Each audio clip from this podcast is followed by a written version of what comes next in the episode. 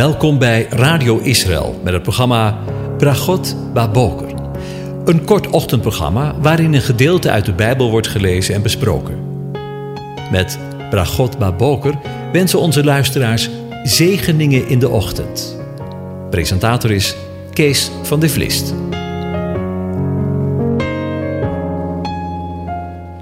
Goedemorgen, Bokatov, beste luisteraars. Vanmorgen denken we weer verder na over Psalm 132. En we lezen de eerste zeven versen. Een pelgrimslied. Heere, denk aan David, aan al zijn lijden. Hoe hij de Heere gezworen heeft, de machtige van Jacob, deze gelofte deed.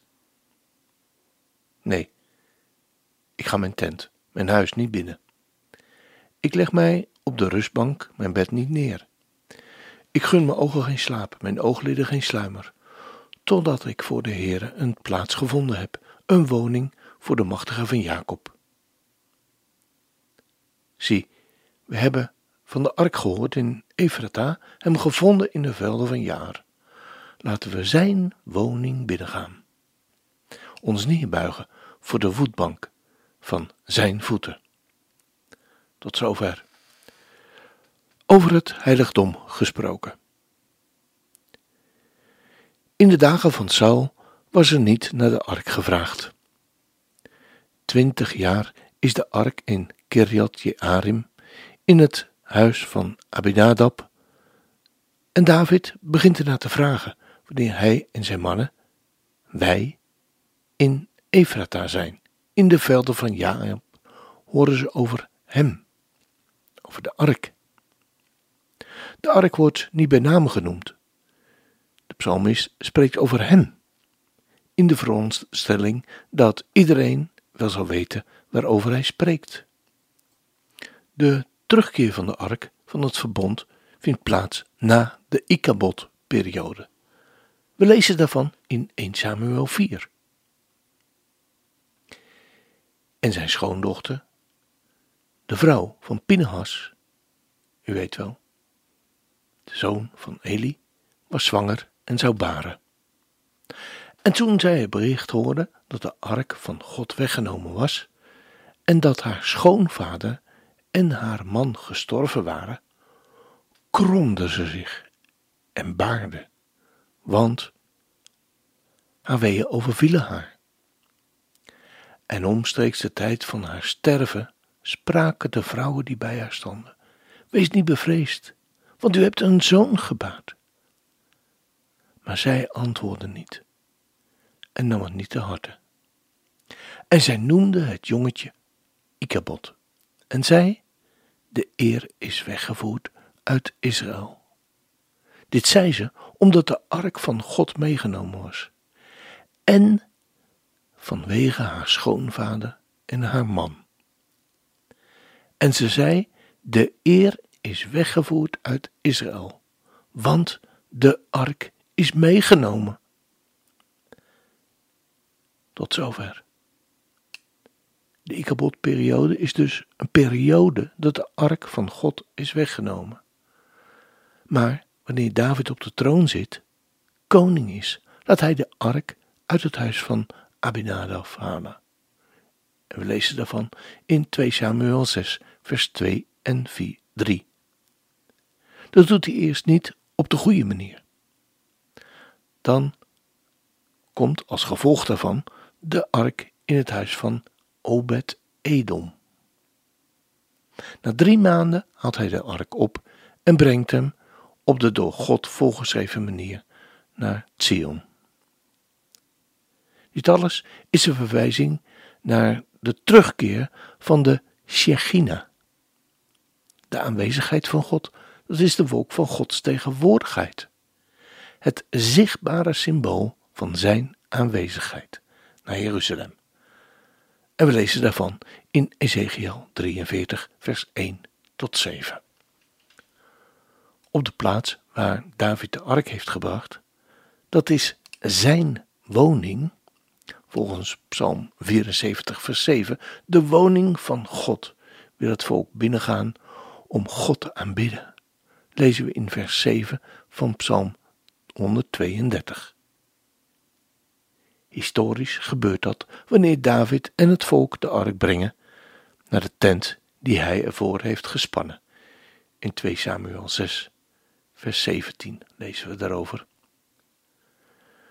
Tja, en wanneer je dit zo leest, dan dringt de vraag zich op hoe we deze gebeurtenissen kunnen lezen. En inderdaad, we kunnen het lezen als een geschiedschrijving, wat er destijds heeft plaatsgevonden. Maar heeft deze gebeurtenis ook iets te zeggen over de tijd waarin wij leven? Of over de nabije toekomst? En de vraag stellen is in dit geval denk ik ook de vraag beantwoorden. Maar wel met alle voorzichtigheid en met gevouwen handen. Als we de tijd zien waarin wij leven en waarin ook het volk van Israël leeft, dan kunnen we eigenlijk niet anders dan tot de conclusie komen. En ik zeg het nogmaals, met alle voorzichtigheid en schroom, dat ook nu in de tijd waarin wij leven, Israël leeft in een Ikabod-periode. De vrouw van Pinhas zei: De eer is weggenomen en weggevoerd uit Israël, want de ark van God is meegenomen. En ook nu leeft Israël in een periode dat de eer weggevoerd is uit Israël, want de tempel is bij wijze van spreken weggenomen uit Israël. En op die plaats staat nu een verschrikkelijk gebouw. En we horen in de tijd waarin wij leven allerlei verschillende stemmen in Israël over de tempelbouw. Alle spullen zouden klaar liggen en de rode vaarzen zijn aanwezig. Maar moeten we ons niet in alle eerlijkheid afvragen of dit de manier is die God wil? Of dit de weg van de Heere God is? Want in de geschiedenis van David lezen we dat de ark uit het huis van Abinadab opgehaald wordt en dat hij de eerste keer niet op de goede manier doet. En Uzza, wiens naam de betekenis heeft van de sterkte die sterft. Tja, in eigen kracht gaat het niet. David noemde de plaats Peres, Uzza breuk met de sterke. Breuk met de sterkte. Mogen we het zo invullen dat er sprake is van een breuk van het volk van Israël met de sterke? Hoe het ook zij. Dan vermeldt de tekst, dan komt de ark in het huis van Obed Edom. En deze naam betekent dienaar van Edom. Hij was een Getiet, staat er vermeld, en zij zijn de inwoners van de Filistijnse stad Gat. En Gat was een van de vijf Filistijnse hoofdsteden. De andere waren Askelon, Asdod, Gaza en Ekron. Het lag in het aan Juda toebedeelde landsdeel en was de geboorteplaats van de reus Goliath. Sommigen denken dat Obed Edom een herder was, geboren in Gad, een stad van de Filistijnen. Maar het lijkt me waarschijnlijker dat hij uit Gad Rimmon komt, een Levitische en dat hij tot de stam van Levi behoorde. Maar eerlijk gezegd begrijp ik er niets van dat hij de naam Obed Edom, de dienaar van Edom, de dienaar van Esau, krijgt.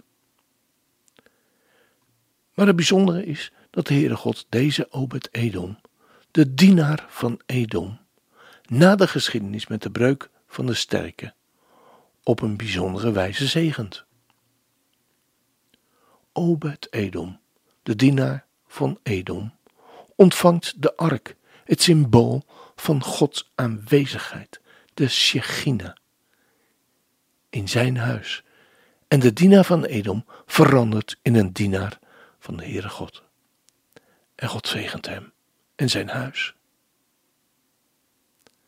Wellicht vinden we Een vergelijkbaar patroon of gebeurtenis tijdens Jezus' omwandeling op de aarde in Marcus 3. En ik lees voor het verband een aantal voorafgaande versen. En hij, dat is Jezus, kwam opnieuw in de synagoge. En er was daar iemand die een verschrompelde hand had. En ze, dat zijn de fariseeën, letten scherp op hem om te zien of hem op de Sabbat genezen zou, opdat zij hem zouden kunnen beschuldigen. En hij, dat is Jezus, zei tegen de man die de verschrompelde hand had: Sta op en ga in het midden staan. En hij zei tegen hen: Is het geoorloofd op sabbatdagen goed te doen of kwaad te doen? Een mens, letterlijk, een ziel, te behouden of te doden? En ze zwegen. En nadat hij rondom toornig aangekeken had, tegelijk bedroefd over de verharding van hun hart, zei hij tegen de man: Steek je hand uit. En hij stak hem uit. En zijn hand werd hersteld, gezond als de andere. En toen de fariseeën weggegaan waren, beraadslaagden zij meteen met de Herodianen tegen hem hoe zij hem zouden kunnen ombrengen. Tot zover. Even tussen haakjes. Er is hier duidelijk sprake van een breuk tussen de leraren van het volk, de Fariseeën en de Herodianen, en in een bepaald opzicht daarmee het volk. Ze wilden van hem af. En we lezen verder. En Jezus vertrok met zijn discipelen naar de zee, tussen haakjes het beeld van de volkeren. En hem volgde een grote menigte uit Galilea en uit Judea. En uit Jeruzalem en uit Idumea en dat zijn tussen haakjes de Edomieten, de dienaren van Edom. En van over de Jordaan. Ook een grote menigte uit de omgeving van Tyrus en Sidon. Zaakjes, u weet wel, dat zijn die goddeloze steden van oorsprong. Die gehoord had wat voor grote dingen hij weet. En ik kwam naar hem toe. En hij zei tegen zijn discipelen dat er steeds een scheepje bij hem moest blijven vanwege de menigte, omdat zij hem niet verdringen zouden. Want hij had er vele genezen, zodat alle die aandoeningen hadden op hem aandrongen om hem te kunnen aanraken. En telkens wanneer de onreine geesten hem zagen, vielen zij voor hem neer en riepen: U bent de zoon van God. Tot zover. Het voert te ver om hier in dit verband verder bij stil te staan. Maar zien we hier niet een parallel of een profetie met betrekking tot het volk van God en het heilsplan van God met deze wereld? Maar daarmee is de geschiedenis niet afgelopen, want David rust niet voor de ark op zijn plaats is. We lezen daarvan in Psalm 132, maar eveneens in 2 Samuel 6. Nou, we lezen: Toen ging David op weg en bracht de ark met blijdschap vanuit het huis van Obed-Edom over naar de stad van David. En dat gebeurde nadat de dragers van de ark van de Heere zes stappen gedaan hadden, dat hij een rund en een gemest kalf offerde. David hubbelde uit alle macht voor het aangezicht van de Heere. En David was gekleed in een linnen priesterhemd. Zo brachten David en heel het huis van Israël de ark van de Heere over, met gejuich en bezuingeschal. Tot zover. Ik weet niet of het u opgevallen is, maar er staat na zes stappen. Dat is bijzonder. Waarom staat er, staat er dat zo bij? En het gebeurde nadat de dragers van de ark van de Heere zes stappen gedaan hadden. Dat hij een rund en het gemeste kalf offerde. zes stappen. Na 6000 jaar wordt de offerdienst hersteld en wordt het gemeste kalf geslacht.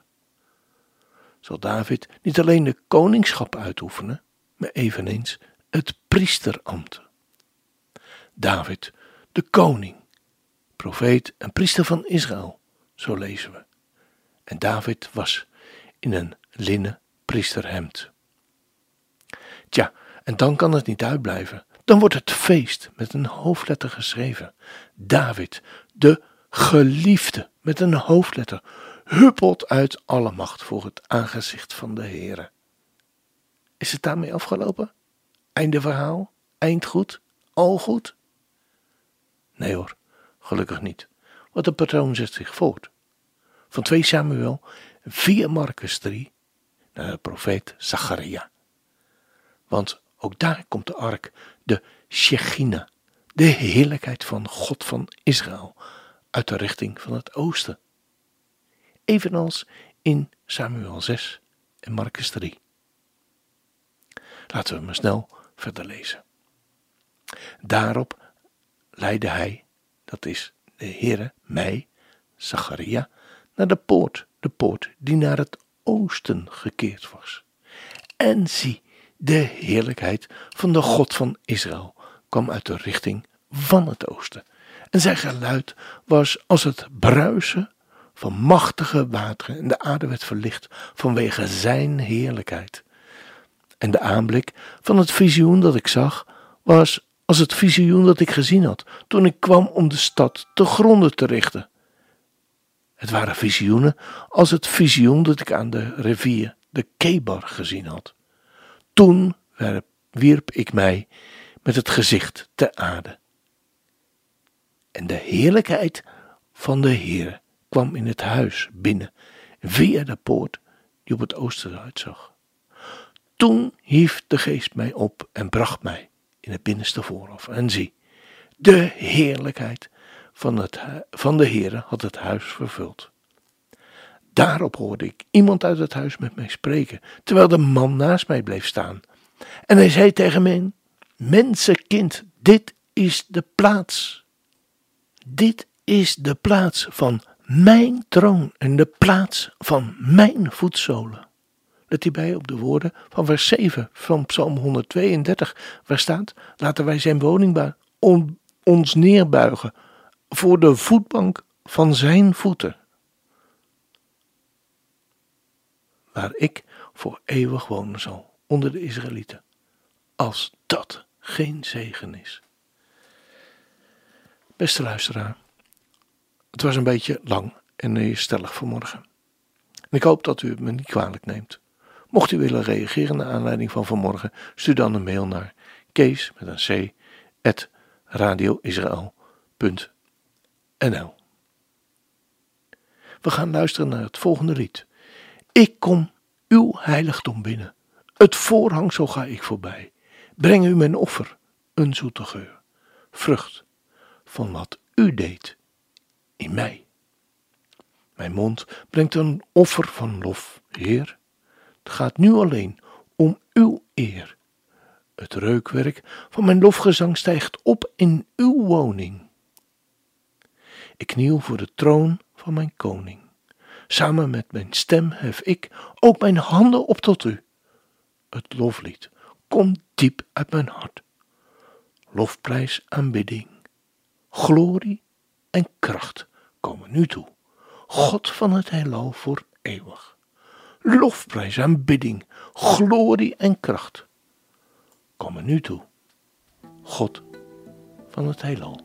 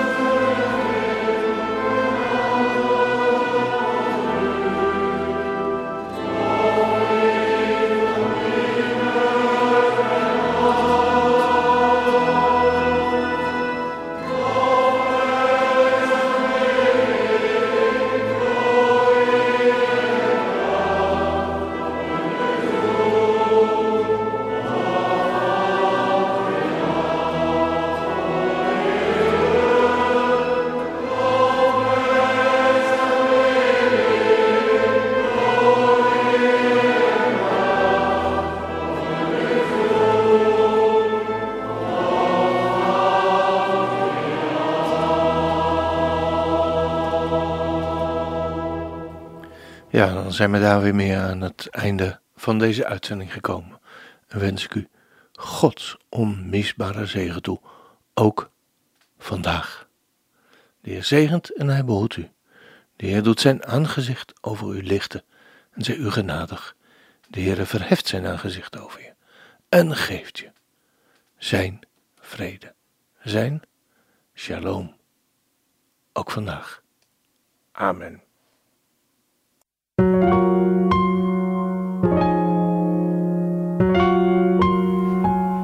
U hebt geluisterd naar het programma Bragot Baboker. Een kort ochtendprogramma waarin een gedeelte uit de Bijbel wordt gelezen en besproken. Wilt u het programma nog eens naluisteren, dan kan dat. Ga naar radioisrael.nl en klik onder het kopje radio op Uitzending gemist.